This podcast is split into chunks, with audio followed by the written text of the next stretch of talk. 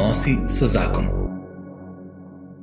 Dober dan in dobrodošli v oddaji Odnosi so zakon. Danes so z mano v studiu tri zelo zanimive sogovornice. Lepo pozdravljam Simona Medvešček, Agata Hren in Mirjam Gajšek. Živijo. Res se veselim našega današnjega pogovora, ki bo tekel o naravnih uh, metodah načrtovanja družine. Um, ker se nekoliko poznamo, smo se kar dogovorili, da se bomo tikale, uh, če lahko. Um, za začetek pa bomo povabili še nekoga, bomo povabili še Boga v ta naš pogovor. Um, v imenu Očeta in Sina in Svetega Duha. Amen. Dobri Bog, ti vodi naše misli, naše besede in dejanja, da bodo obrodile bogate sadove v nas in vseh tistih, ki to oddajo poslušajo po Jezusu Kristusu, našem Gospodu. Amen. Amen. Ja, res se veselim no, tega in hvala, da ste se odzvali temu povabilu, da ste prišli sem.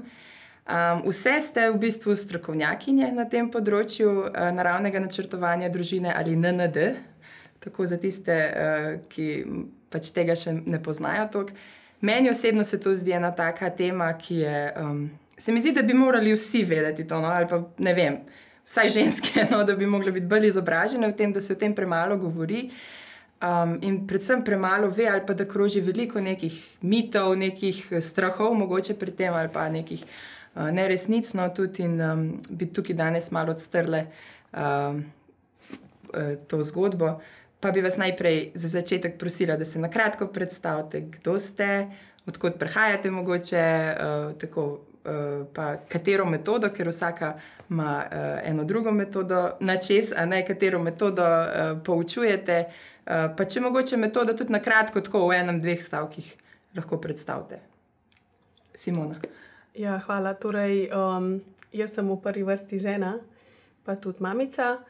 Um, Simptotermalno metodo, ki jo bom danes predstavila, um, Senziplan se imenuje, sem se srečala davnega leta 2002 um, ko smo se takrat še kot fant in dekle udeležila z Matijem tečaja.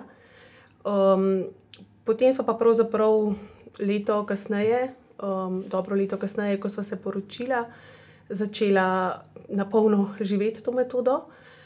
Kasneje, leta 2008, sva opravila v sklopu Načkofija Ljubljana um, tečaj za certificirane svetovalce te naravne metode, tako da so takrat potem pa pridobila tudi uh, certifikat, torej da nisva več.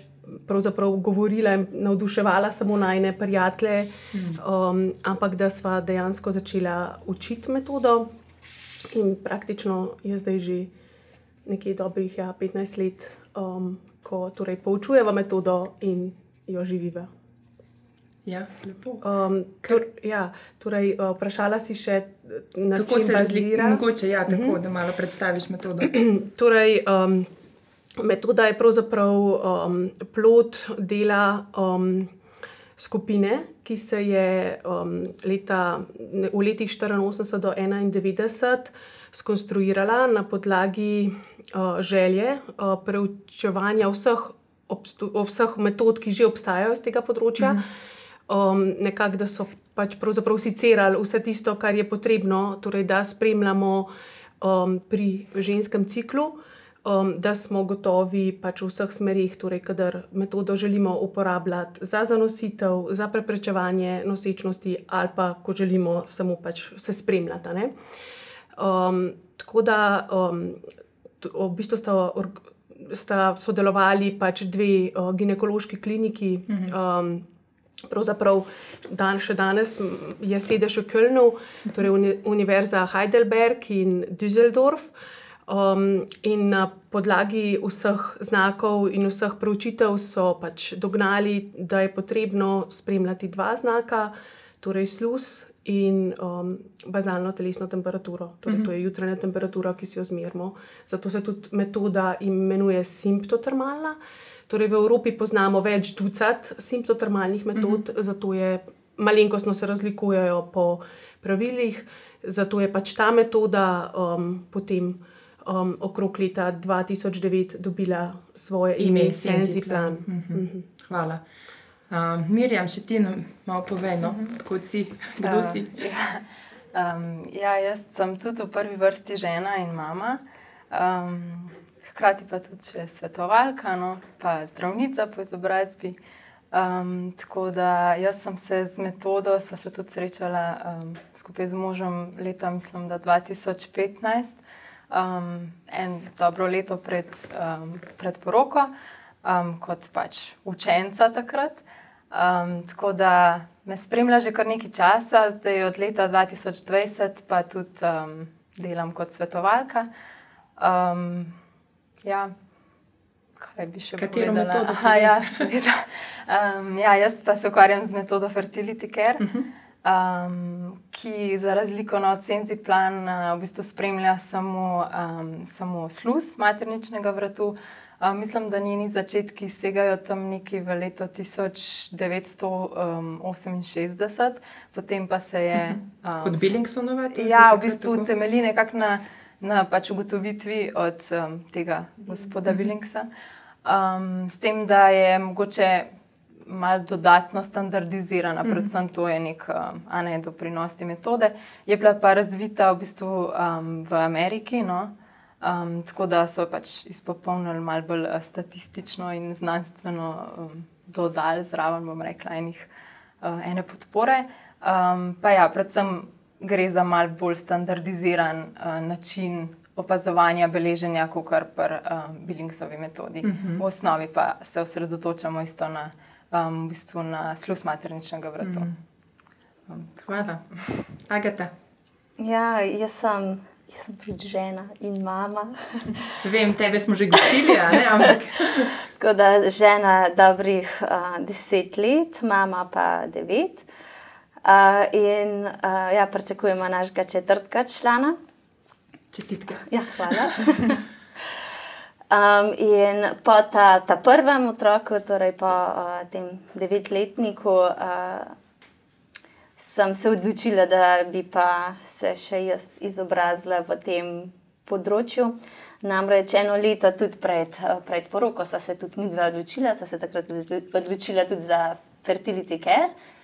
Um, tako da sem takrat potem um, imela svojo uporabniško izkušnjo fertility care, uh -huh. uh, ki mi je bil v resnici zelo všeč iz tega vidika. Um, Ker se mi je zdelo, da ima zelo, dober, um, zelo dobro podporo tudi ko gre zdravstveno kaj narobe.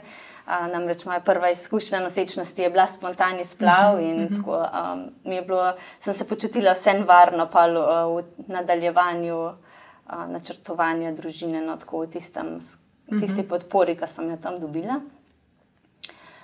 Potem sem pa, uh, torej ja, pred devetimi leti, začela s fertility carom tudi.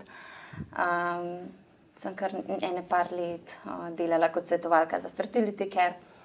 Uh, potem sem se pa pridružila enemu evropskemu timu za neofertility, ki je pa nastal pod okriljem um, enega zdravnika iz Irske.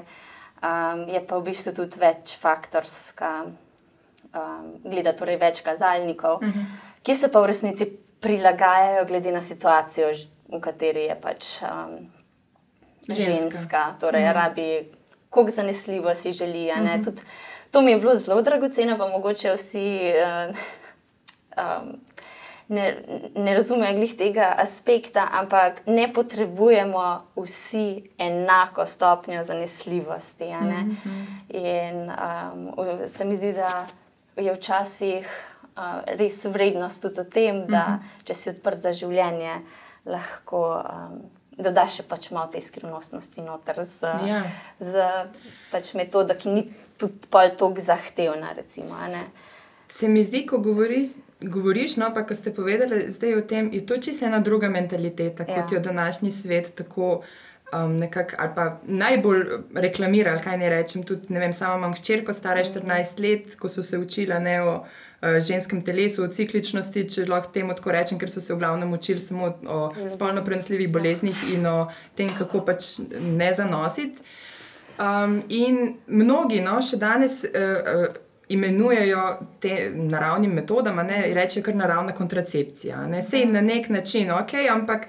Uh, ali je to to, ali se vi strinjate s tem poimenovanjem, mogoče je malo bolj lahko za, za ušesa tistih, ki um, niso toliko v tej mentaliteti odprtosti ja. do življenja. Uh, ampak, če pa ni, no, kar si že tudi malo povedala, ne Simona, da je tako za načrtovanje, kot uh, uh, če se želimo um, izogniti, um, v čem se pa razlikuje od drugih kemičnih uh, kontracepcij, pa ne kemičnih, recimo teh ne, pregrad in tako naprej.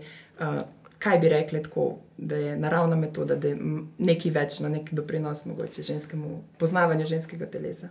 Ja, torej jaz bi najprej rekla, da je naravna metoda način življenja. Mm. Pravzaprav um, lahko rečem, da mi dva z Matijem sva oblikovala najni življenje, najn odnos, najn zakon, našo najno družino prav uh, preko te metode. Um, zato, ker se mi zdi, da sva preko spolnosti začela odstirati najtežje vprašanja na eni mm. strani, in na drugi strani dejansko spoznavati najni telesi, uh, najno funkcioniranje. Um, in pravzaprav se mi zdi, da tudi Matija me je bistveno lažje razumel skozi cikl, kot bi me razumel.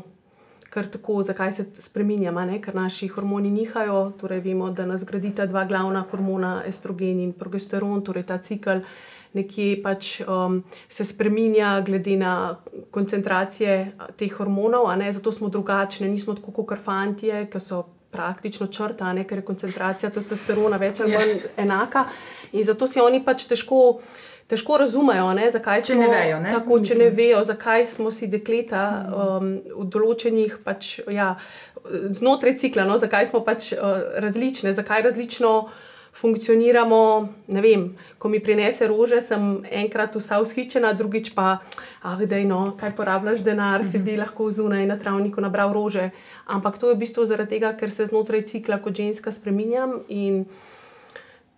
Nama je bilo zelo dragoceno to, da smo pravzaprav ja, um, živela in še živiva z metodo. In enako rečemo vsem tečajnikom, da gre pravzaprav za odločitev, da bo najno življenje torej, izviralo iz mm. odnosa. Tako kot je Agata prej lepo rekla, ne, um, zelo lepo se mi zdi, da um, um, se mi dva odločava, torej, um, kako bova živela metodo, v smislu tudi lahko zanesljivosti, ne, v katero smer jo bova živela. In da za razliko od kontracepcije, ne, ki jo pač. Um, ki nas določa, v smislu, če se odločim, da bom v tem življenjskem obdobju jemala kontracepcijo, pomeni, da sem takrat um, neplodna, um, medtem ko tukaj se lahko odločam iz dneva v dan, mm. torej vsak dan posebej. Torej, mi dva um, se lahko vsak dan odločiva, ali smo odprta življenju ali nisva um, odprta življenju. In to se mi zdi velik doprinos. Um, In hkrati, kot sem že rekla, no, to, da se lahko ogromno pogovarjava in srečujeva, ker jaz mislim, da se naša življenja pravzaprav um, začnejo pri telesnosti, torej mm. pri čutenju, pri, pri naši intimi in iz tega potem raste najna uh, duhovnost, um, mm. najna enost. Mm. Naš odnos. Ja. Kako je z uporabnostjo um, oziroma z zanesljivostjo ne, teh eh, nekemičnih, uh, pa tudi kemične kontracepcije v primerjavi z. z tako zanesljivostjo naravnega, teh naravnih metod, ne, vemo, da jih je veliko. No. Mhm. Pa tako, če malo poveš, ne, ja. ker si zdravnica. pa mogoče kako je bilo na faksu, ki si se srečevala s tem. ja. Um, ja, mogoče bi obrnila to mhm. vprašanje, se pravi, bolj, kakšna je zanesljivost naravnih metod v primerjavi z um, pač nekimi tako hormonsko ali pa mogoče mehansko kontracepcijo bi bolj rada razvila ta mit, da v bistvu um, gre za to, da so naravne metode kar zelo dovršene in mm. tudi zelo zanesljive. Um, zdaj, jaz čist številk um, ne poznam vseh, ampak za fertility care je pač recimo. Um, zanesljivost metode je 99,5%, uporabna pa uh, 98,6%, kar je v bistvu veliko višji procent, uh, kot mogoče je bilo, recimo, meni, kot študentki, uh, takrat predstavljeno v smislu, da so pa nezanesljive metode. Mm -hmm. ne. um, tako, um, je pa res, da pri naravnih metodah je, um, tako kot je že Simona malo omenila, ne, ne gre za to, da jo ko pa ne vem, želiš zanositi, prenehaš uporabljati, kot je značilno za recimo metode kontracepcije, uh -huh. ki že v samem imenu to nosijo. Medtem ko naravne metode so metode načrtovanja družine, se pravi načrtovanje uh, družine, pa vključuje tako obdobje, ko si pač želimo zanositi, kot obdobje, ko si ne želimo. Uh, tako da tukaj je neka primerjava, ki v bistvu niti ni za res primerjava. Ne, mhm. ne primerjamo dveh enakovrednih stvari, se pravi kontracepcijo, ki je, ki je ustvarjena zato, da ne bi zanosili. Se pravi, je vsak namenom, tako, ja, in je vsak. Vsaka nezanesljivost je spodrsljaj, ki je pa nosečnost, pri nas pa v bistvu nosečnost ni nikakršen spodrsljaj. Ne. Um, tudi ne želimo, da jo pač klienti tako dojimajo. Um, je pa tako, kot je prej Agata lepo rekla, ne, so pa zelo različne um, potrebe in želje, glede tudi stopnje tega, kako močno v tem uh, trenutku recimo čutva, da ne morva sprejeti uh, življenja novega, ne novega člana uh, družinskega, ali pa pač na drugi strani, kako um, zelo si želiva, ne, ali pa sva pač enostavno sproščena v tem smislu. No, um, še ena taka ne vem, mogoče um, ja, mit ali pa iz medicinskega vidika ena taka vem, zmotno prepričanje je, ne, da ne vem, na hormonski kontracepciji, ko pač um, ženska jemlje tabletke, pa reče, ah, zdaj imam pa pač normalen cikl. Um, nisi v ciklu, ko jemliš v bistvu uh, hormonsko kontracepcijo imaš res neke krvavitve, ki so redne, ampak to niso krvavitve, ki bi bile menstruacije, ki bi bile pač nekaj, kar bi se fiziološko v tvojem telesu uh, dogajalo. Ja. Mm. Tako da to je pač, um, mislim, da nekako niti ni neke primerjave. No? Mm. Kar je pač pomembno povedati, je pa res to, da so naravne metode dovolj dodelane in. Um, dovolj zanesljive mm. za, mislim, da povprečnega uporabnika, ki pa je pripravljen neki trud v to vložiti. No, seveda. Ja. Um, ko sem na YouTubu tipkala Natural Family Planning, kot se pač uh, NND, ne, naravno črtovanje družine, imenuje v angleščini, mi je med drugim našlo zelo veliko nekih amaterskih uh, posnetkov, kjer ženske, tako pač v angleščini, razlagajo večinoma neko obliko koledarske metode, mm. ki so jo poznale naše babice, a ne se pravi, mogoče tisto neko štetje dni ali kako se je včasih imenovala. Ne? In se mi zdi, da tudi sicer še vedno. Toliko velik ljudi ne pozna tega napredka, uh, kot, kot smo zdaj že malo omenili, te pač tudi zanesljivosti na eni strani, uh, ker so se te metode močno razvijale, ne čez uh, zadnja desetletja, pa sploh, tako kot ste že povedali. Um, ka, kako vidite, ve, uh, ne vem, mogoče to um, težava uh, kondoma, kot recimo uh, neke pro, ene propagande, ne, en, en, ene zaščite. Uh, v primerjavi, ki se mi zdi, da je tako, sploh uh, mogoče med uh, kristijani, tudi zelo pogost način ne, uh, um, kontracepcije, uh, um, v primerjavi z naravnim načrtovanjem družine. Zakaj je ta, ta razkorak tako velik, oziroma zakaj se je težko odločiti? Ali je res samo nepoznavanje? Um, kaj bi rekla, Agata? Jaz, jaz iz svojih izkušenj zdaj lahko povem, da imam v bistvu skoraj večino parov, ki v bistvu niso iz katoliškega hmm. kroga. Torej, naravno načrtovanje, oziroma uh, zelo lušten, modern izraz mi je tudi zdaj zavedanje plodnosti, mm. ne, ker gre v bistvu to. Mm, da ni nekaj, kar pač uporabljaš, ampak nekaj, česar se zavedaš, uh -huh. ne? ti veš, kdaj si plodna in kdaj nisi. No? Um, um, da, da se prepoznava res velika vrednost vseh teh metod, ki ne posegajo v telo, uh, in hkrati omogočajo tudi večjo, večjo bližino. Jaz mislim, da res omogočajo večjo bližino med zakoncama. Gli zaradi tega, ker omogočajo tudi večjo ranljivost. Um, in to je tisto, česar, česar se mogoče veliko. Um, Veliko ljudi tudi um, na nek način boji, ali pa si želimo imeti kon, ta, totalno kontrolo nad vsem. Uh -huh. Zdaj, kar se tiče našega katoliškega miljeja bi rekla, da, um, da je veliko prisotno še to, um, da se je nekem, v nekem obdobju so se te uh, metode uh, predstavljale, uh -huh. ampak zelo poenostavljeno. In človek ima nekaj teh informacij, si zapomni, pol pa, pol pa misli, da je to to. V resnici pa je moje mnenje, za katerim sto procentno stojim, da je zanesljivost metode izključno res v dobrem vodstvu. Mislim, da je par let nazaj uh, poslušala sem eno gospo, ki se s tem ukvarja že več desetletij uh, in rekla, 40 let nazaj so imele, imelo večino žensk čisto običajne cikle. Uh mhm. -huh. Zdaj takih skoraj ni več. Uh -huh, uh -huh. Torej, imamo, smo soočeni z večjimi izzivi, ampak tudi te izzive se da res da um, shendlati. ja, ja preseč. Ne, ja, ja. Ja. Se mi zdi, da je to pomembno, da vemo, da, se, um, da je tukaj en velik napredek, da je bil narejen. Mm. Uh, ampak vseeno, no, zdaj smo to govorili o zanesljivosti, a ne pa o tem, pa vemo, da je ne malo število parov, ki doživijo neko razočaranje, tudi ob uporabi naravnih metod, pa mogoče zato potem, kaj ne rečem, prekmalo obupajo ali pa ne vem. V čem vi vidite, no, ali pa če ste imeli mogoče med vašimi strankami, sigurno ste imeli verjetno kakšen tak primer, pa ne da je lih obupal, ampak mogoče da so se sprašvali, a so se sprašvali, ne vem.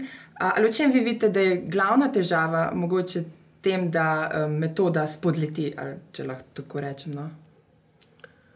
Ja, kot je že Agata rekla, jaz bi rekla, da prvo je to poznavanje metode na tri četrt. Uh -huh. um, dela, delanje nekih oklepajev ali pa nekih poenostavitev, ki so nevarne. Kako se pa recimo do, dobi znanje na tri četrt?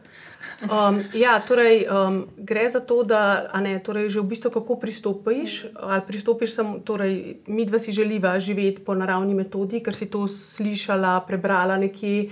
Videla neke članke, kakorkoli, in mm -hmm. potem začneš brskati po internetu. Mm -hmm. pač internet je poln vseh informacij, torej mm -hmm. tudi veliko uh, dezinformacij. Tako dezinformacij, ja. in v bistvu se začneš učiti preko interneta. Mm -hmm. Um, zdaj, Nemci so delali raziskavo, tudi če se naučiš samo uh, po knjigi, ne, da se zgodi pač več poenostavitev pri mhm. uporabnicah, ko z metodo začnejo živeti.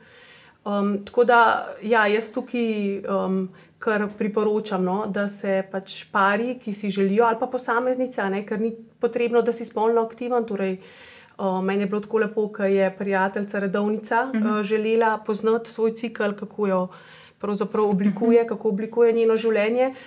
Um, tako da ne, je fino, da v bistvu vstopaš, stopaš v kontakt z nekim svetovalcem, uh, ki tukaj strokovno ti pomaga, ki ti pomaga tudi, um, tako kot je že Agata prej omenila, ne, v teh obdobjih, ko recimo cikli niso harmonizirani, torej da ti svetuje, kaj narediti, kaj je tisto, kar je zagonetka, da v bistvu cikl ni harmoniziran um, torej, da zagotavljamo torej, uporabnici oziroma uporabnikoma, ne, če je to par, čim boljšo izkušnjo. Ker ne, če je naju strah, ko živiva, recimo, da se odločiva, da 200% ne želiva zanositi.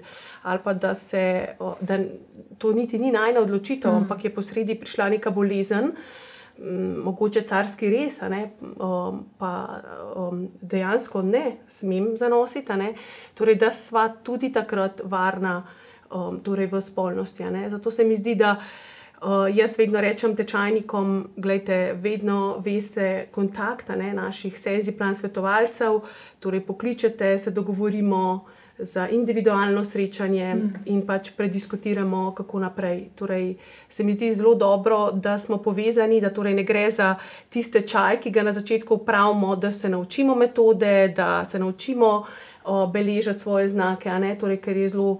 Faktografsko, ampak da pravzaprav živimo potem vsako desetletje, ki je drugačno, um, hm. torej z metodo.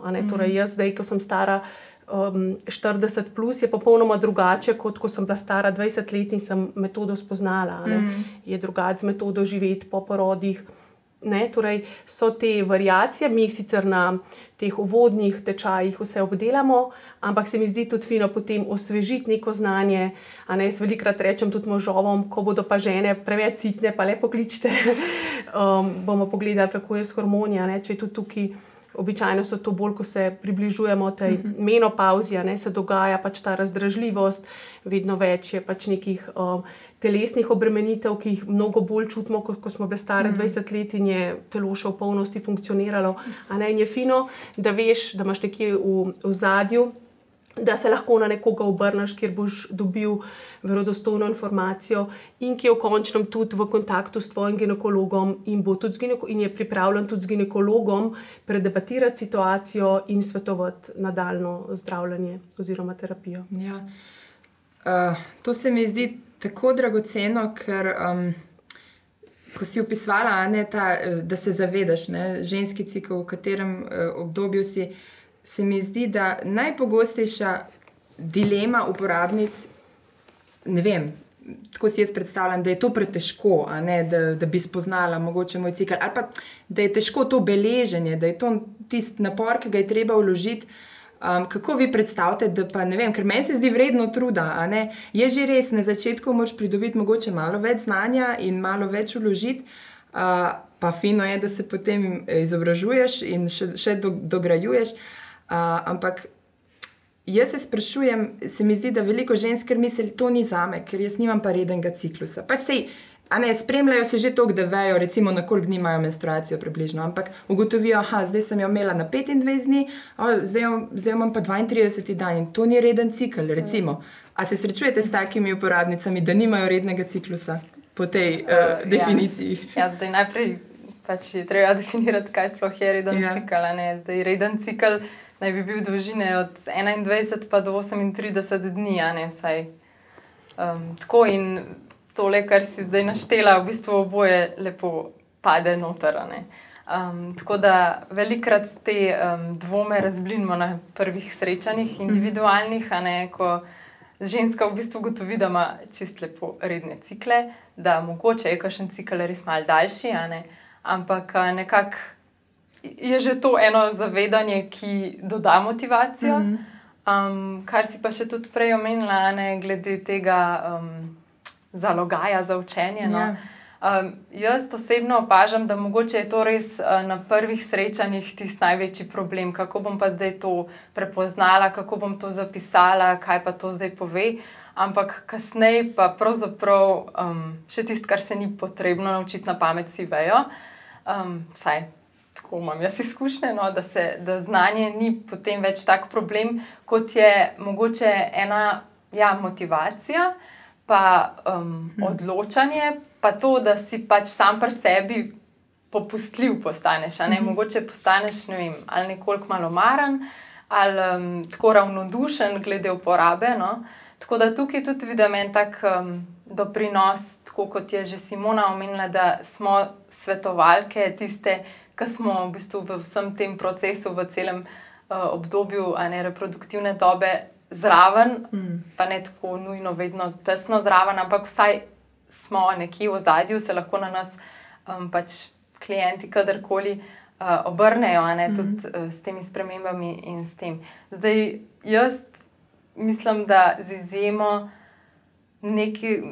Ja, ne vem, koliko številke, no, žensk, ki so res prišle do nas že tik pred menopauzo, pa smo jim potem dali um, pač preveriti hormone in se izkazali, da mogoče res um, ni več smiselno, ne, da bi se začele učiti.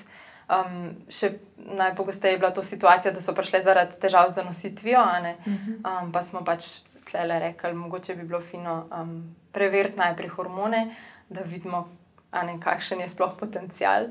Um, tako drugače pa mislim, da ni nekih um, posameznic, za katere bi striktno rekla, da ne morejo ne, uporabljati naravnih metod. Um, tudi sem že slišala za primere, ne sicer pri nas, no, da so se tudi po sterilizaciji še odločile, da bi pač se učile naravno metodo, čeprav ne, so v bistvu tak poseg naredile v telo. Ampak iz vidika enega večjega pogleda v, v svoje zdravje, v tako stika s seboj no, uh mhm. -huh. in potem tudi stika. Pač, hm, Kaj pa spremljajo, če so, če so sterilizirane? Mislim, kakšne znake bi to spremljali? Ja.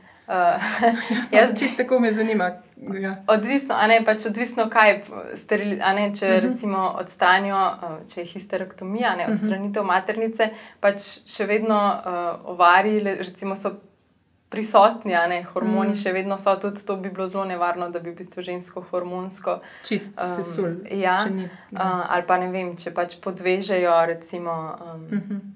jajce Jajce vode, a ne, uh, še vedno pač hormonska aktivnost je, čeprav brez neke možnosti, Ja, ja. uh, možnosti za nositve. Mm. Um, tako da, ja. Tako lepo si, si povedala, a je, a je nujno, da se partner skupaj z žensko odloči. Ti si rekla prej, da imaš iz nekrščanskih krogov tudi veliko samostojnih uporabnic. Ali, um, kaj bi svetovala? No? Uh, kaj pa če partner mogoče ni tako navdušen? A Resnici pride kakšna taka? Ja, zelo velike take. zelo velike take. Um, in se mi zdi najprej, kak, na, kakšen je princip, po katerem delam. Torej, pač jaz tudi individualno se srečujem. Vsako srečanje je individualno žensko mm. in lahko greš z njo. Mm, mm. uh, lahko se res prilagodiš njeni situaciji. Um, najprej mora ona res ratati samozavestna v tem, pa tudi umirjena. Naj, n- tako, da je, da je ona prepričana v to. In zelo velikrat partnerji opazijo spremembo, recimo, ali pa se skozi uporabo uh, potem Navdušijo. Ja, prepričajo uh -huh. o zanesljivosti, ker si gremo počasi, ne se jih počasi navajamo. Ta kontra, uh, kontracepcija je tako usrkana tudi v naše mm. misli, da imamo samo še takšno miselnost. ne. Torej, Takoj, ne? Uh, pač, ne, ja, ne, sme, ne smeš zanositi, nič ne sme pač, uh, iti na robe, to moraš uporabljati, drugače zanosaš. a ne. Um, in tako je počasi treba to izrivati. In tako začnemo, najprej bomo v tem obdobju začeli metodo uporabljati, ker je takrat še pač, takrat je najbolj zanesljiva, in zdaj bomo v mestnem V času. katerem obdobju je to? Dej povej. Torej, v fazi po ovulaciji, če je ovulacija res dobro potrjena, a ne če je zanesljiva. Mislim, vse več. Ne želim posplaš, posploševati, ker se pač, kot vsaka mm. ženska ima res svoj cikl. Ampak večinoma imamo, sploh pri tistih, ki, so malo bolj zapleteni cikli, malo več dela s fazo pred ovulacijo. Ja, In to nam omogoča tudi dodaten čas, da lahko delamo na tej fazi pred ovulacijo, da jo uredimo z, z tem, kaj je plodno, kaj ni plodno. Tako da uh, res, mi, res je pa zelo dragoceno, no, tudi za same ženske, takrat, ko so pa moški zraven in so podpora, ali pa samo, da so podpora, tudi če, če niso prisotni na samih srečanjih. No, imam primer ene, uh, ene klientke, ki v bistvu še razseljena živita no, in se pol skupaj, pr, uh, mislim, sta se uspela povezati um, skupaj uh, na srečanje. a ne. Uh, in je tako ta, ta vključenost mož, kako jih zanima, uh, oziroma pač fantov, kakorkoli, um, je v bistvu tisto, kar, se, kar, kar je pa res, uh, se mi zdi, da v tist pove dosti tudi o odnosu. No? Tako, uh, na kje je baziran odnos, pa uh, kam, kam ima potencial ta odnos tudi pridati. a ne. Um, Dajmo čisto na kratko, zdaj le sem pomislila, mogoče predstavimo še cikl, a ne, da bomo si sploh uh, imeli v pogledu to, o čem govorimo. Katera bi ga želela predstaviti? Simona, mogoče ti? Um, ja, torej vsak cikl se Ja. začne z krvavitvijo. Uh -huh. To je takrat, ko se sluznica maternice ščisti. Um, ponavadi pač uh, traja ta, uh, to čiščenje, torej ta menstrualna krvavitev, nekje do enega tedna. Um, s tem, da se v prvih uh, dveh dneh um, nekje 40% um, ščisti te sluznice. Um, zdaj v povprečju govorimo torej nekje manj kot 100 ml krvi, ne bi v tem času vsaka ženska izgubila. Potem pa je torej najbolj variabilen, um, kot je že Agata rekla, ta prvi del uh, torej, um, cikla, torej, ko gre za začetek. Torej imamo v hipofiziji za uh, češplo velik, velik organ, uh, ki pač um, sprošča, torej, um, ko je v bistvu žena pripravljena, ko to naše telo pravzaprav zazna, ne ko hipofiza zazna. Um, torej, ker plodnost je neki dodana vrednost vsake ženske. Uh -huh. torej, um, prva stvar, ki jo telo ukine, kadar smo pod stresom, kadar uh -huh. um, imamo prenaporno življenje, je običajno pač plodnost. Uh -huh. Zato tudi vemo, da ko grejo ljudje na dolgo potovanje, na dopust, odklopijo se. Recimo, ja. ali pa v misijone. Da običajno cel čas, pa to lahko traja celo leto, ko so v misijonih, uh -huh. velikrat izostane menstruacija. Aha, ko so pod stresom, misliš? Pod stresom. Aha, ja, ja. Ali pa recimo. Mislim, obratno, ne, da ko, če ne morete zanositi, da potem, ko greste pa ne, nekam, ja. uh, pa se od stresnete, ali kako bi se rekli. Ja, jaz mogoče zdaj razmišljam uh -huh. bolj samo pač o dekletu ali pa o ženi, uh -huh. torej ne, ne kot o njiju dveh ja. zatotku, ja. uh, ker govorimo o ciklonu.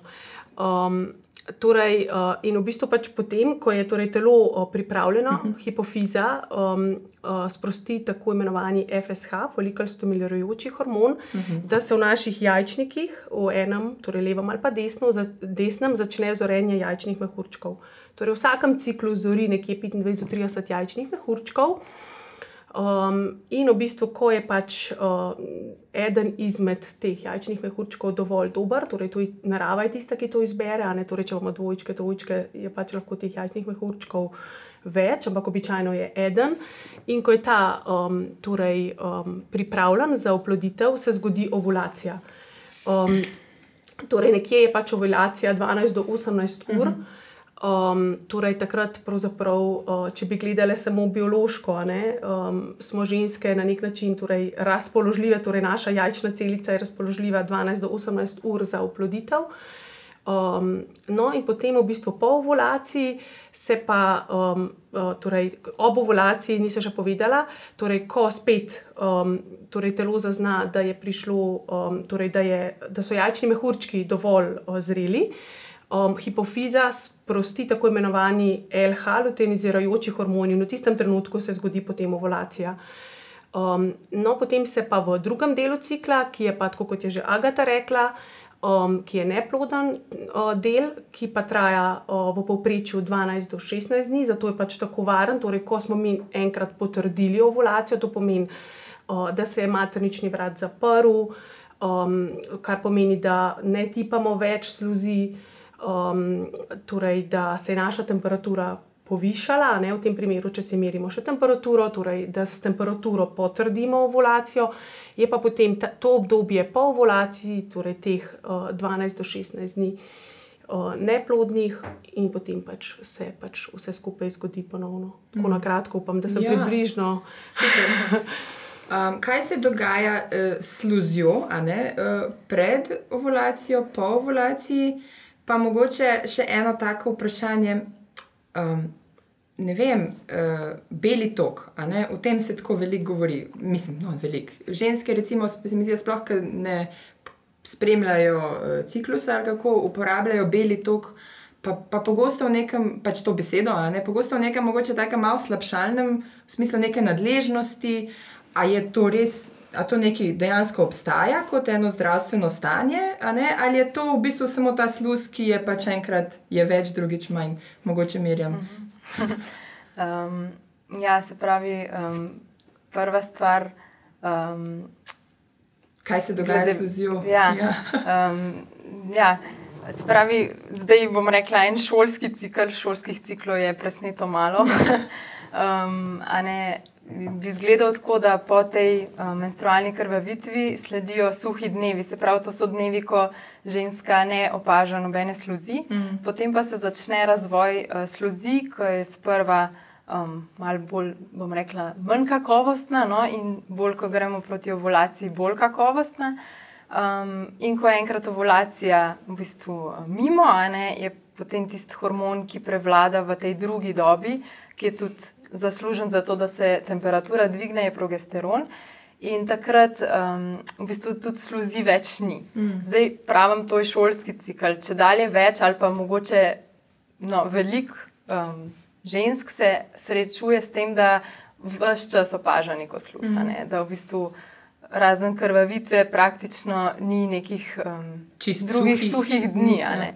um, zdaj odvisno. Jaz ponovadi preverjam pri svojih klientih, ko pridejo s vprašanjem o belem toku, kaj to za njih pravzaprav pomeni. Ja. A to je to, kar pač vsak dan neki opazi, ne? če je to, potem res govorimo o nečem, kar je v zadju. Lahko je ta beli tok povezan tudi z nekim neravnovesjem v bistvu vaginalne flore, lahko gre za neko. Um, Vnetje, lahko gre za neko okužbo v zadju, mm. če pa povezuje ta beli tok zgolj s tistimi parimi dnevi uh, sluzi, ki je pač čisto dobrodošla in normalna v vsakem mm. ciklu, ne, ki je pač okrog ovulacije, potem pa um, moramo pač malo predebatirati, kaj to je. In tako, ja. mm. in, um, ponovadi pridemo do tega, da pol ni več to neka nadloga, ampak mm. je v bistvu zelo dobrodošlo, ker ji tudi pač pomaga, da spremlja svojo plodnost in na, na vse zadnje pomaga zanosati. To, um, to nalogo ima ta slusa. Mm. Prej je Simona omenila, da um, je v bistvu jajčice na voljo samo 12 do 18 ur nekateri podatki govorijo celo o 24, ampak bližje 12 uram. Um, imamo pa pač to sluz, ki jo pri vseh treh metodah opazujemo, tudi, ki podaljša to okno plodnosti na račun tega, da vzdržuje semenčice. Mm. Uh, se pravi, brez sluzi semenčice znotraj ženskega telesa v bistvu ne bi preživele. Ne? Mm. Um, ko pa je prisotna ta ugodna sluz, pa semenčice preživijo in na ta način se plod, plodno okno. Eh, podaljša. Mm. Uh, Zdaj, če pa je prisotna skozi neka sluz, je pa včasih tukaj vzrok lahko hormonski, mm -hmm. kot sem že prej rekla, tudi nek ne, uh, lahko vnetje ali pa okužba. Uh, Kaj od tega takrat se da, bom rekla, se da pomagati, se da nekaj mhm. narediti na tem, da se pač ta beli tok uh, zmanjša. V kakšnih ciklih pa vidimo, da kljub vsemu ne ustraja nek uh, stalen izcedek, ampak um, to, ne, to ni ovira za uporabo metode. No. Um, ne se pa ženska nauči na drugačen način prepoznavati uh, svoje plodne dneve, no ne na drugačen, ampak malo drugačen. Um, pristopimo, ne, da jo naučimo, kdaj pa zdaj ta sluska je dejansko odgovorila na hormonske spremembe, ki je povezana uh, z ovulacijo, in kdaj je tista sluz, tisti ostali izcedek, ki pravzaprav ne igra vloge pri plodnosti, je pa prisoten skozi cel cikl. Mm kako je um, zdaj, lepo ste predstavljali, da je cel cikl in, in ta uh, sluz in ti plodni znaki. Uh, ti se še bolj mogoče ukvarjaš s to cikličnostjo, kako se ženska spremenja, glede na obdobje, v katerem je, kaj recimo. Um, tudi tebe, vem, kot uporabnico navdušuje, pa mogoče ti svoje klientke seznaniš no, s tem, kaj naj počnemo same sabo, mogoče, ko si gremo na živce, ko smo same v kažem takem. Pač v, v tem obdobju, ne, ko smo bolj občutljivi, da nam to predstavi. Ne. A si zihar, da hočeš iti tako na globoko? Ampak samo na kratko. No. um, načeloma te spremembe pod vplivom estrogena nas delajo take živahne. Um, uh, torej, v tem obdobju, če se tega zavedamo, lahko tudi to izkoristimo. Mm -hmm. Lahko izkoristimo motivacijo, ki pride zraven, lahko izkoristimo za to, da se lotimo kakšnih težjih projektov, ki nas malo dlje časa že bremenijo. Um, recimo, pospravljanje omare tvojih otrok. um, potem pride ena, eno to obdobje uh, po ovulaciji, ki je pa tudi zelo stabilno, tako čustveno stabilno. Uh, torej, kmalo po ovulaciji, načeloma se hitro na, nas ta progesteron naredi. Tako, uh, čustveno stabilen progesteron je tudi naravni antidepresiv, torej mm -hmm. ne, uh, vpliva na naše razpoloženje.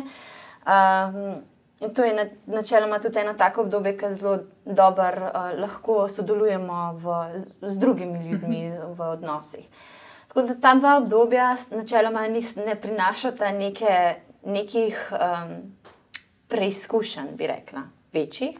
Ih pa torej obdobje pred menstruacijo in mogoče tudi sama menstruacija. Ne? Ker takrat, takrat se pa bolj izpostavi to, da postanemo ranljive ali pa da nekako vse poveča občutek, da nimamo še same sebe pod kontrolo. Mm. In to so lahko zelo snobni občutki, če ženska s tem ni v nekem uh, če se ženska proti temu bori ali pa tega ne more sprejeti. Uh -huh. Je razlika, lahko je to posledica tudi hormonskega neravnovesja, da to uh, obdobje predolgo traja. Ne? Nekaj je pa vse, nekaj tega umika stran od ljudi, uh, pa da si vzameš nekaj časa zase, pa tudi da te stvari zmotijo, uh -huh. to je pa nujno potrebno.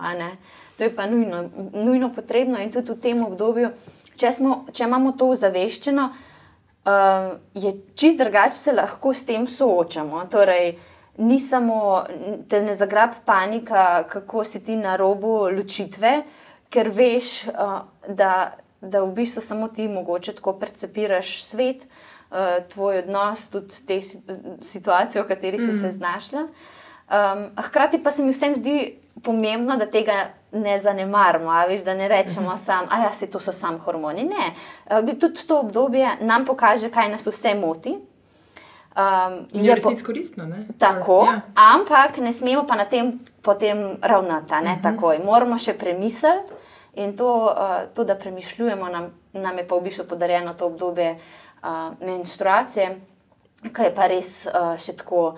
Um, ne, tudi fizično se lahko slabše počutimo, smo lahko bolj utrujeni. Um, um, vem, ta možganska megla se pojavi, ne tako, bolj počasne. Uh, nas res bolj usmerja vase, pa v eno to um, premišljanje, v eno kompostiranje, da delaš eno nekaj kvalitetnega. Tudi če noč ne zgleda, ne, v tistem mirovanju na nek način, če si to mirovanje vse nekako dovoliš. To, Ne, mislim, super bi bilo, če bi si lahko vzela vem, prvi dan menstruacije čist uh, dopust. dopust ja.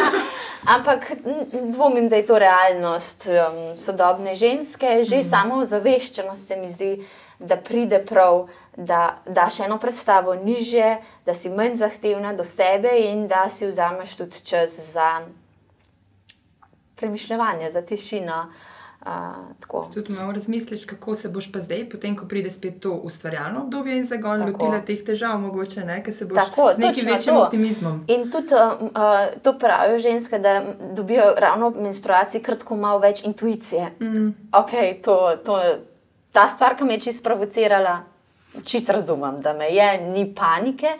V nekih drugih situacijah pa res vidiš, okay, je tole pa res moram nekaj na tem narediti, ker to pa ni ok. Mm -hmm. Tukaj se pa moram zdaj tega lotiti v obdobju, ki prihaja. Ja, super. Jaz mislim, da tole, kar smo zdaj le povedali, bi, to bi mogli učiti uh, že najstnice v šoli o tej lepoti ženskega telesa. Vsem tem, no, ker se mi zdi, da največji poudarek je pa samo na tem varnem seksu, ne oziroma zaščiti in neki hormonski kontracepciji. Že prej ste tako lepo povedali, da teh nar, eh, normalnih ali pa, kot bi se rekli, ja, nekih šolskih, no, vse šolskih tako, tako ni, ne, ampak nekih normalnih ciklov, da, da danes ni, ni več, oziroma jih je zelo, zelo malo. Ne. Kaj?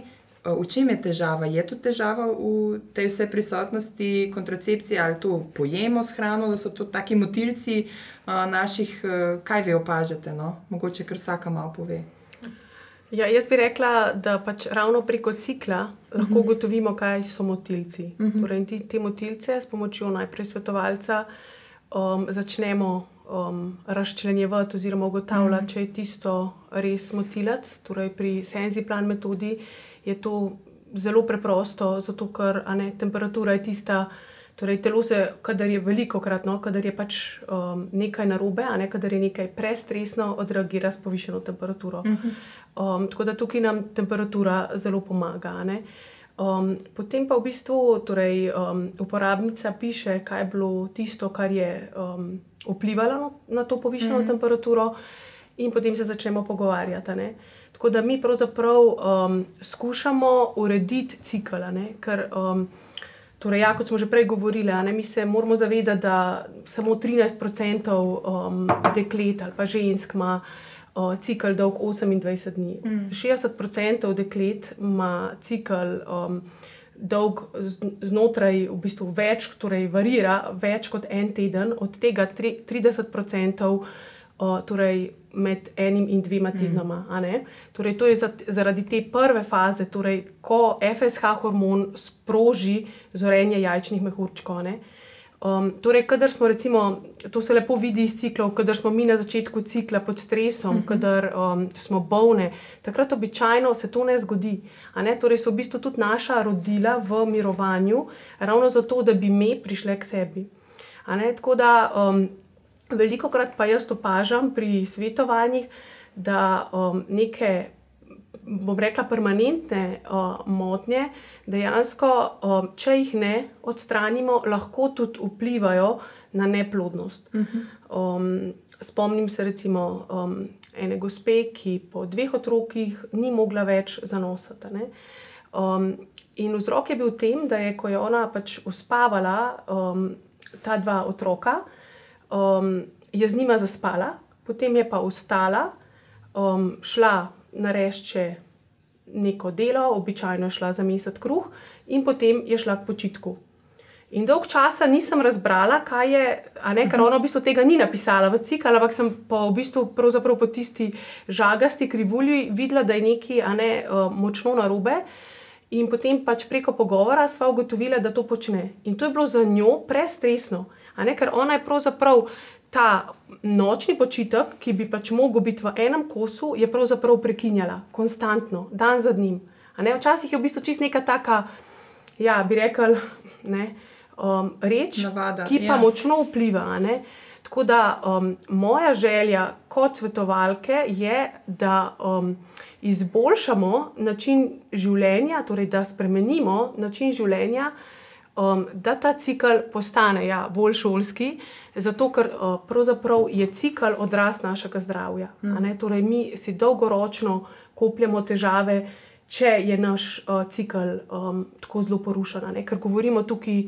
Pač, um, ne, če rečemo, da prvi del cikla gradi estrogen, mm. poenostavljeno, in drugi del cikla progesterona, ne, morata biti ta dva harmonizirana. Torej, mi moramo ugotoviti, kaj je vzrok, da ta dva dela nista harmonizirana in ne, torej, to um, s posvetovanjem potem čim bolj razrešiti. Zato, tega, ker na ta način potem um, ženski omogočimo kvalitetnejše življenje. Ne.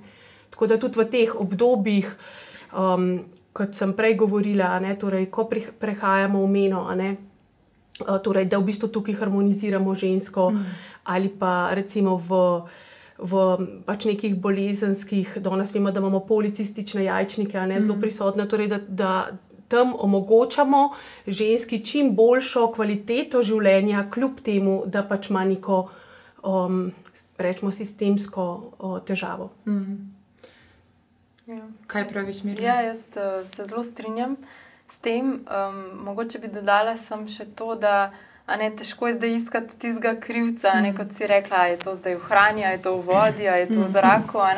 Um, vse posod. Ja. Ker je veliko enih hormonskih motilcev in stresorjev, vse prisotnih. Tako da se mi zdi, da tukaj je res en velik, um, mogoče doprinos tega individualnega spremljanja, um, da ženska tudi sama sebi in pač s pomočjo svetovalke dopusti, da pač poišče svoj ne, kaj pa njo pravzaprav mm. stresira. Kot si prej omenila, ne, ja, sem, ne, kaj greš na dopust za nosta. Ja, različno, ne, za mm. eno žensko je pač tisti dopust enormen stres, mm. za, nekate, za eno je pa pač tisti res odklop. Uh, odklop ja, ja. Tako da tukaj se mi zdi, da kar posameznic toliko pravil. Mm. In uh, je ja, res pomembno, ne, da mi tudi tle res ne spremljamo zgolj in samo znakov plodnosti, mm -hmm. ampak tudi ostale stvari, ne, tudi ostale znake kot je Simona omenila. Um, vprašamo po stresu, vprašamo po spremembah v življenju. Um, ne vem, ali imaš kakšna nova zdravila, imaš kakšno drugačno vrsto prehrane, si začela mogoče s kakšno bolj intenzivno vadbo, ali imaš izpitno obdobje zdaj. Ali uh, ne vem, je. Um, Sorodniki iz Amerike na obisku. Pač zelo, zelo, zelo različni so ti stresori, ki vplivajo. In um, mislim, da, ja, da, ni, da ne moramo reči, da je krivo. Je pa večjih, to je pa dejstvo, da jih je veliko več, kot jih je bilo mogoče toliko in toliko let nazaj. Mm. Um, in ja, potem lahko tudi ta proces traja dlje, da pač ugotovimo, kaj je pravzaprav narobe. Ampak se da, ne? se da ugotoviti, se da upoštevati in se da potem na nek način tudi temu načinu življenja prilagoditi. odvisno, v katero skrajnost si želiš iti. Uh -huh. Ker moje mnenje je, da so hormonski motilci tako prisotni vse povsod, da pač, če tebe res ne veseli povsem naravno življenje in eko ja. hrana, uh, če si ne želiš, da ti to rata en malik, moraš do, do neke mere sprejeti. Mm. Da si, mislim, niso vse ženske občutljive enako. Mm. To je tudi fulj pomembno. Ti, lahko, ti imaš lahko zelo rezistenten cikl, pa te vplivi okolja ne bojo vrgali stira, drugo žensko bojo. Torej, stres, tisto, kar sta vidve izpostavljeni, jaz bi tudi rekla, z, z vsem, kar filamo telo. Pri tistih ženskah, ki se pokažejo težave, recimo mm -hmm. s tistimi ženskami, ki ne morejo za nas delati drugače. Tako da tam se bolj striktno lotimo tega področja. Ne? Kaj so vse hormonski motilci? Namreč hormonski motilci večinoma oponašajo estrogen. Ja. In imamo pre, pride do tega, kar se tako poljudno reče, uh, estrogen, dominanca estrogena. In imamo cel kup enih menstrualnih težav, recimo tudi boleče menstruacije in tega, ker pač pol progesterona ni nekako dovolj, da bi zbalansiral vse učinke tega um, estrogena, ki je prisoten. Tako da v pri tistih primerih, ko ima ženska recimo stres, uh, nekako pod kontrolo, uh, ima dob, dober režim, recimo telovadbe in tako ne pretiran, ampak glih prav. Um, je naslednji, naslednji korak je, da, da postaneš pozorna na to, kar ješ, kar piješ, namreč hormonska kontracepcija. Tudi um, se znajde v vodi, na koncu. Ja. Um, in tudi v okolju, v katerem si. Ne? Ne vem, a glih prenavljaš hišo in barvaš uh, vem, stene z barvo, ki ima cel kup enih zelo stvari noter, ki lahko vplivajo na to, kaj se bo zgodilo s tvojim ciklom. Recimo, um, ja. Tako da pač, ne, tiste, ki imajo več težav, imajo pa tudi večjo motivacijo, bolj. Um, urediti. Ja, ali pa bolj ekstremno se mm, tega ja, ja. lotiti. Kakšen ja. je pa delež recimo tistih, ki so bile prej na kontracepcijskih tabletkah, ki so pač um, ne vem. Ali pa mogoče tistih, ki ne morejo zanositi. Ne? Vem, da si že enkrat v pogovoru prej omenila, uh, da je vedno večji ja, ne, ta delež, mhm. v bistvu prihaja do vas uh, svetovalk, ali pa se obrne na vas šele takrat, ko imajo težave z nositvijo. Um, kaj potem, mislim, kako, mm. kako je spremljanjem teh žena. um, ja, se je Agata že lepo risala, ja. da tukaj ja, je zelo celostno treba pristopiti. No. Um, je res, da se na nas obračate, če dalje več um, klientov, ne, par, posameznic in tudi parov. No.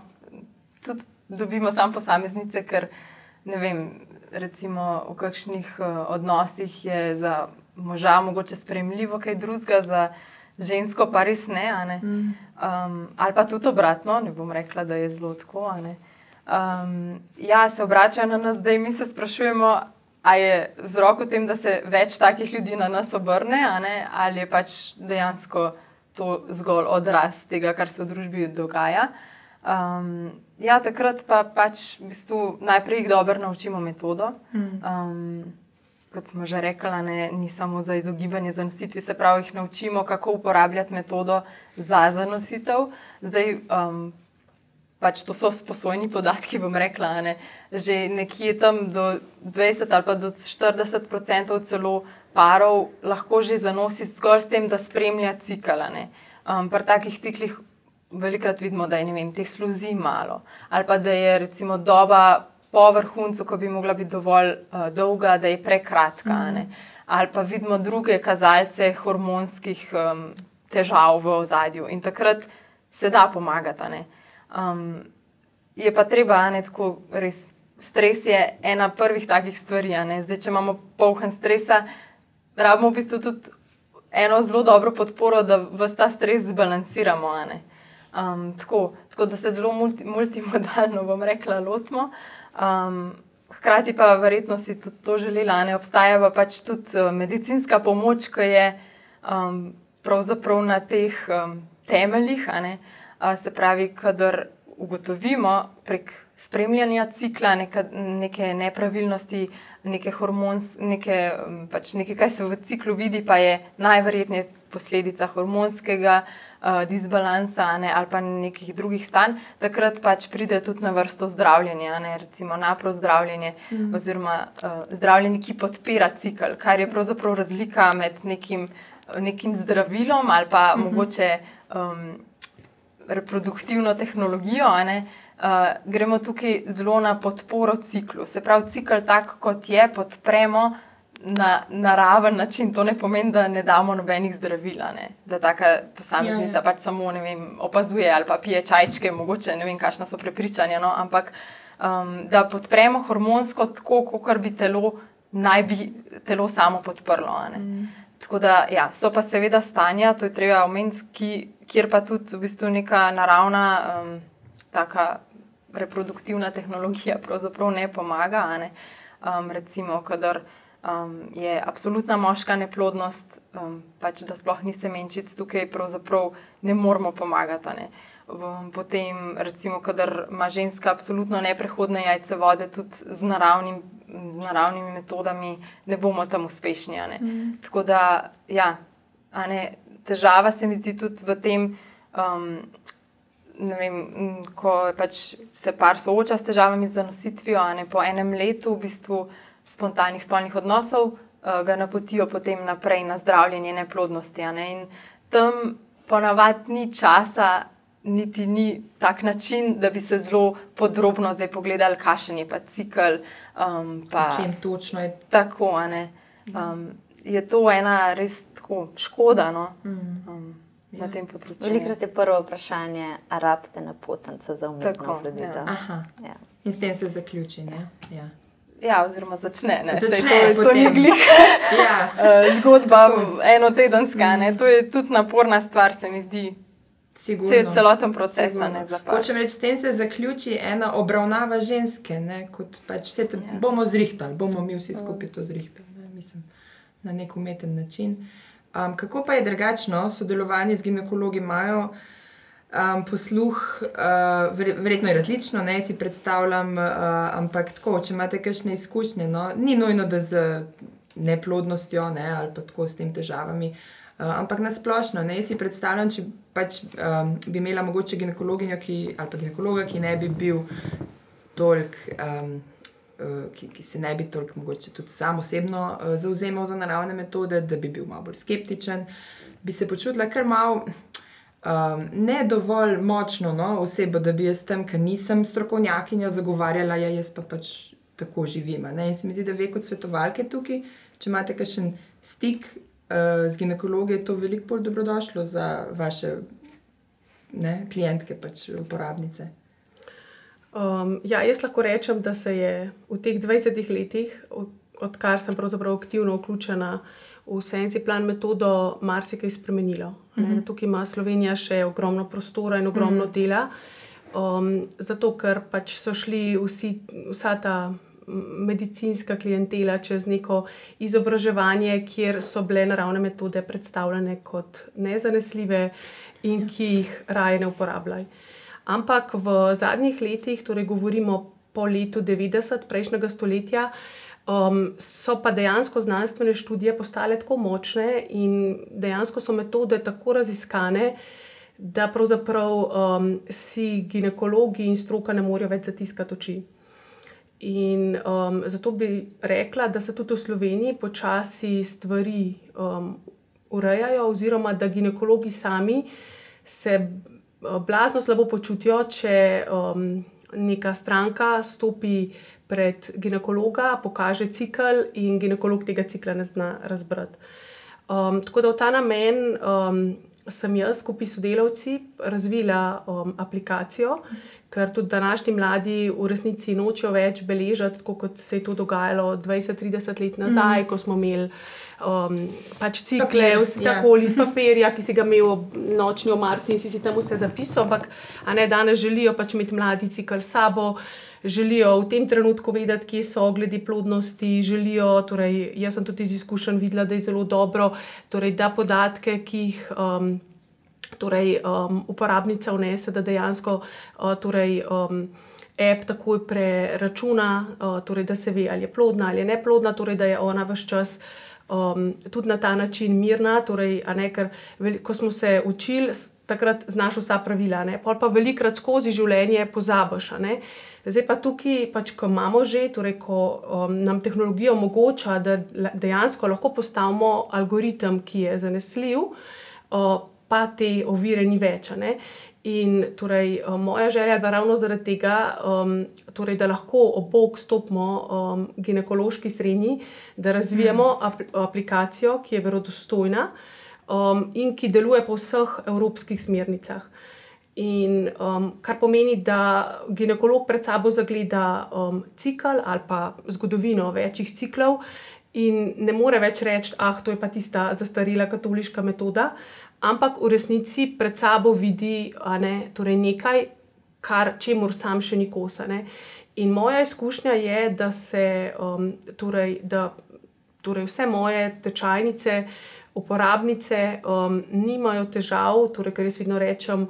Uh, torej, uh, če bo kakršno koli vprašanje strani ginekologa, torej me lahko pokličete iz uh, ordinacije, um, sem na razpolago za mhm. konzultacijo. Mm -hmm um, da se dejansko odzovejo in so na razpolago. Tako da sama imam veliko lepih izkušenj, prav v zadnjih letih, morda prav na račun te aplikacije, ker, ker je tako kot recept. V bistvu, ko um, dobi pač. Um, Pač nek zdravnik pred sabo nekaj, kar je verodostojnega, ne more več ovreči. Um, tako da, um, ravno zadnjič sem imela eno zelo lepo izkušnjo, um, ko sem se srečala z um, torej ginekologi iz um, torej študentskega, uh, torej študentskega zdravstvenega doma na Aškrčevi, ne, ker potem tudi ginekologi želijo slišati naša mnenja. Torej, kaj pa vi naredite v tem primeru? Ne, to, kar ste že vidve govorili, torej, ja, imamo ogromno tudi naravnega. Ne, torej, najprej začnemo torej, cikl s pomočjo ne vem, recimo urejanje cikla, recimo s svetlinovim oljem, lahko mhm. marsikdaj že zelo dobro učinkuje. Na, ne, torej, tu imamo spet ogromno znanstvenih študij in tako naprej. Torej, uh, in oni nimajo teh podatkov, tako da si tudi oni želijo priti do teh podatkov. Tako da jaz mislim, da v naslednjih um, desetletjih bomo še marsikaj zgradili skupaj z njimi. Da, um, jaz sem zelo optimistična glede tega in zelo srečna, ker se mi zdi, da tudi oni spoznavajo, da je mnogo več, če imamo mi cikl beležen dan za dnem in vse te podatke zbrane, kakor pa v bistvu to, kar oni lahko pridobijo iz. Um, Neke pač krvne slike in drugih parametrov, ki jih lahko beležijo, ne? ker oni lahko samo nek aktualen dan v ciklu um, zabeležijo. Um, pravzaprav bi pa velikrat rabili spremljati dan za dnem, sploh, ker so težave večje. Jaz sem tudi sama uh, šla na digitalizacijo mojega cikla, ne pred parimi leti. Meni se zdi, da mi je to tako res veliko olajšalo, ker pač telefon imaš tako vedno sabo. Um, pač ne vem, v katerem koli delu dneva se spomnim, utipkam ne, uh, pač simptome in tako naprej. Uh, je pa tudi verjetno pas, ne? najbrž niso vse uh, aplikacije, ti si rekla, ne, da zdaj razvijate, uh, ali ste že razvili. Uh, Ja, Najbrž prav... niso vse aplikacije dovolj uh, dobre, oziroma ni kar tako. Ah, si bom pa aplikacijo, pa bom pa mi bo ona vse sama zračunala in sem mirna. Kaj se smeješ, Agata, da ti povej? Zaradi tega, ker imaš cel kup sranja tudi uh, na, v App Store. Um, zelo zanimivo mi je bilo, da je ena, ki jo skozi Instagram lansira med reklame, ki je mojem, mislim, je dobila, je celo bila mm, FDA approved, torej v Ameriki. Uh, pa je za moje pojme tako blazno nezanesljiva. Ne? In to v teh primerih, jaz, sem, jaz spadam v tisto skupino, ki sem skeptična do same te uporabe aplikacij, ker um, jih lahko uporabljajo ženske brez enega ozadja, brez vedenja, brez vedenja kaj pomeni. Tudi ne pri nas, marsikateri reče, um, ta, uh, ta aplikacija je pač, ja, vsi algoritmi noter so kul, cool, ampak algoritem ne bo vedel, kaj se je zgodilo s tabo en dan prej. da je recimo tvoja, da se je nekaj s tvojo temperaturo zgodilo ali pa karkoli, ali pa pri eh, vrednotenju sluzi in tako, kakorkoli. Um, zdi se mi, da je vedno ful pomembno to, da je pač zraven znanje, olajšajo pa ful, a ne? Te aplikacije pa res, uh, mislim, res, res. Primer imam zdaj le klientke, ki na vsak način noče iti uh, na telefon, pač z- jo zelo spoštujem v tem, ker pač uh, ja, je zelo ustrajna tudi na. Ja. Ampak je, je tako, je, je težje, no? je težje, ker um, mora res s tistimi papiri se ukvarjati, pa na različne stvari pa almirkati. tako. Medtem ko aplikacija je ti pa dajno to, res, kadarkoli lahko opišeš tudi, ne. sproti lahko popravljaš, niti treba črtati. Um, če, če imaš pač p- aplikacijo, ki je prilagojena metodi, ki jo uporabljaš, in tudi, uh, da imaš zadnji znanje, se mi zdi pa. Moraš biti pametnejši kot aplikacija, ne? ali pa Tak- pametnejši ja. od svojega pametnega telefona. Ja. ne. Mislim, jaz rečem, ta, ta aplikacija je pametna, to, kar je pameten un človek, ki jo je naredil. ne. Um, tako da tisti človek pa pač ne more vedeti čisto točno, kaj se je v tvoji situaciji zgodilo. ne. Se mi zdi, da je največja, tako, največji čar teh naravnih metod to, da dobro, en cikl je za mano, ne, ta vem, kako je izgledal, zdaj ta pred mano, pa ne vem, kaj bo. Ne, in je vsak cikl zase uganka, tako kot je uganka celo naše življenje. In tisto, kar ste prej govorili o teh naših eh, stresorjih in tem, ne, se mi zdi, da še največji mogoče stres nam predstavljajo tudi neurejeni odnosi ali pa neka nezmožnost pogovora, kar ste tudi lepo povedali, da pa jih naravne metode, ki so način življenja, kar mi je bilo tako lepo všeč, da ste to izpostavili.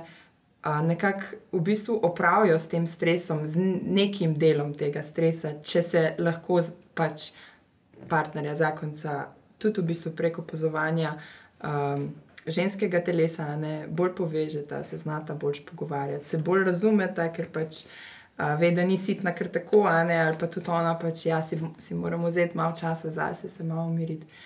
Um, kaj bi ve, tako kot zadnjo zaključno misel, um, položile, tako recimo, da so ene ženske zdaj, ki nas gledajo, pa so malo v dvomih, pa smo jih, upam, da mogoče malo navdušile.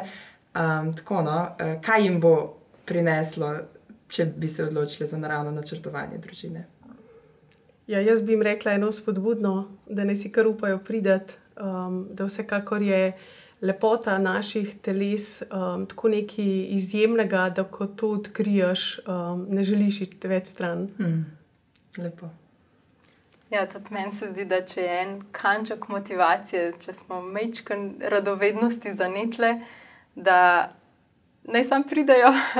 Res, um, velikrat slišim pol od klientov, kakšnih, ki pridejo, mogoče že malo kasneje, ne glih v rosnih 20 letih, zakaj nismo mi že prej tega. ne?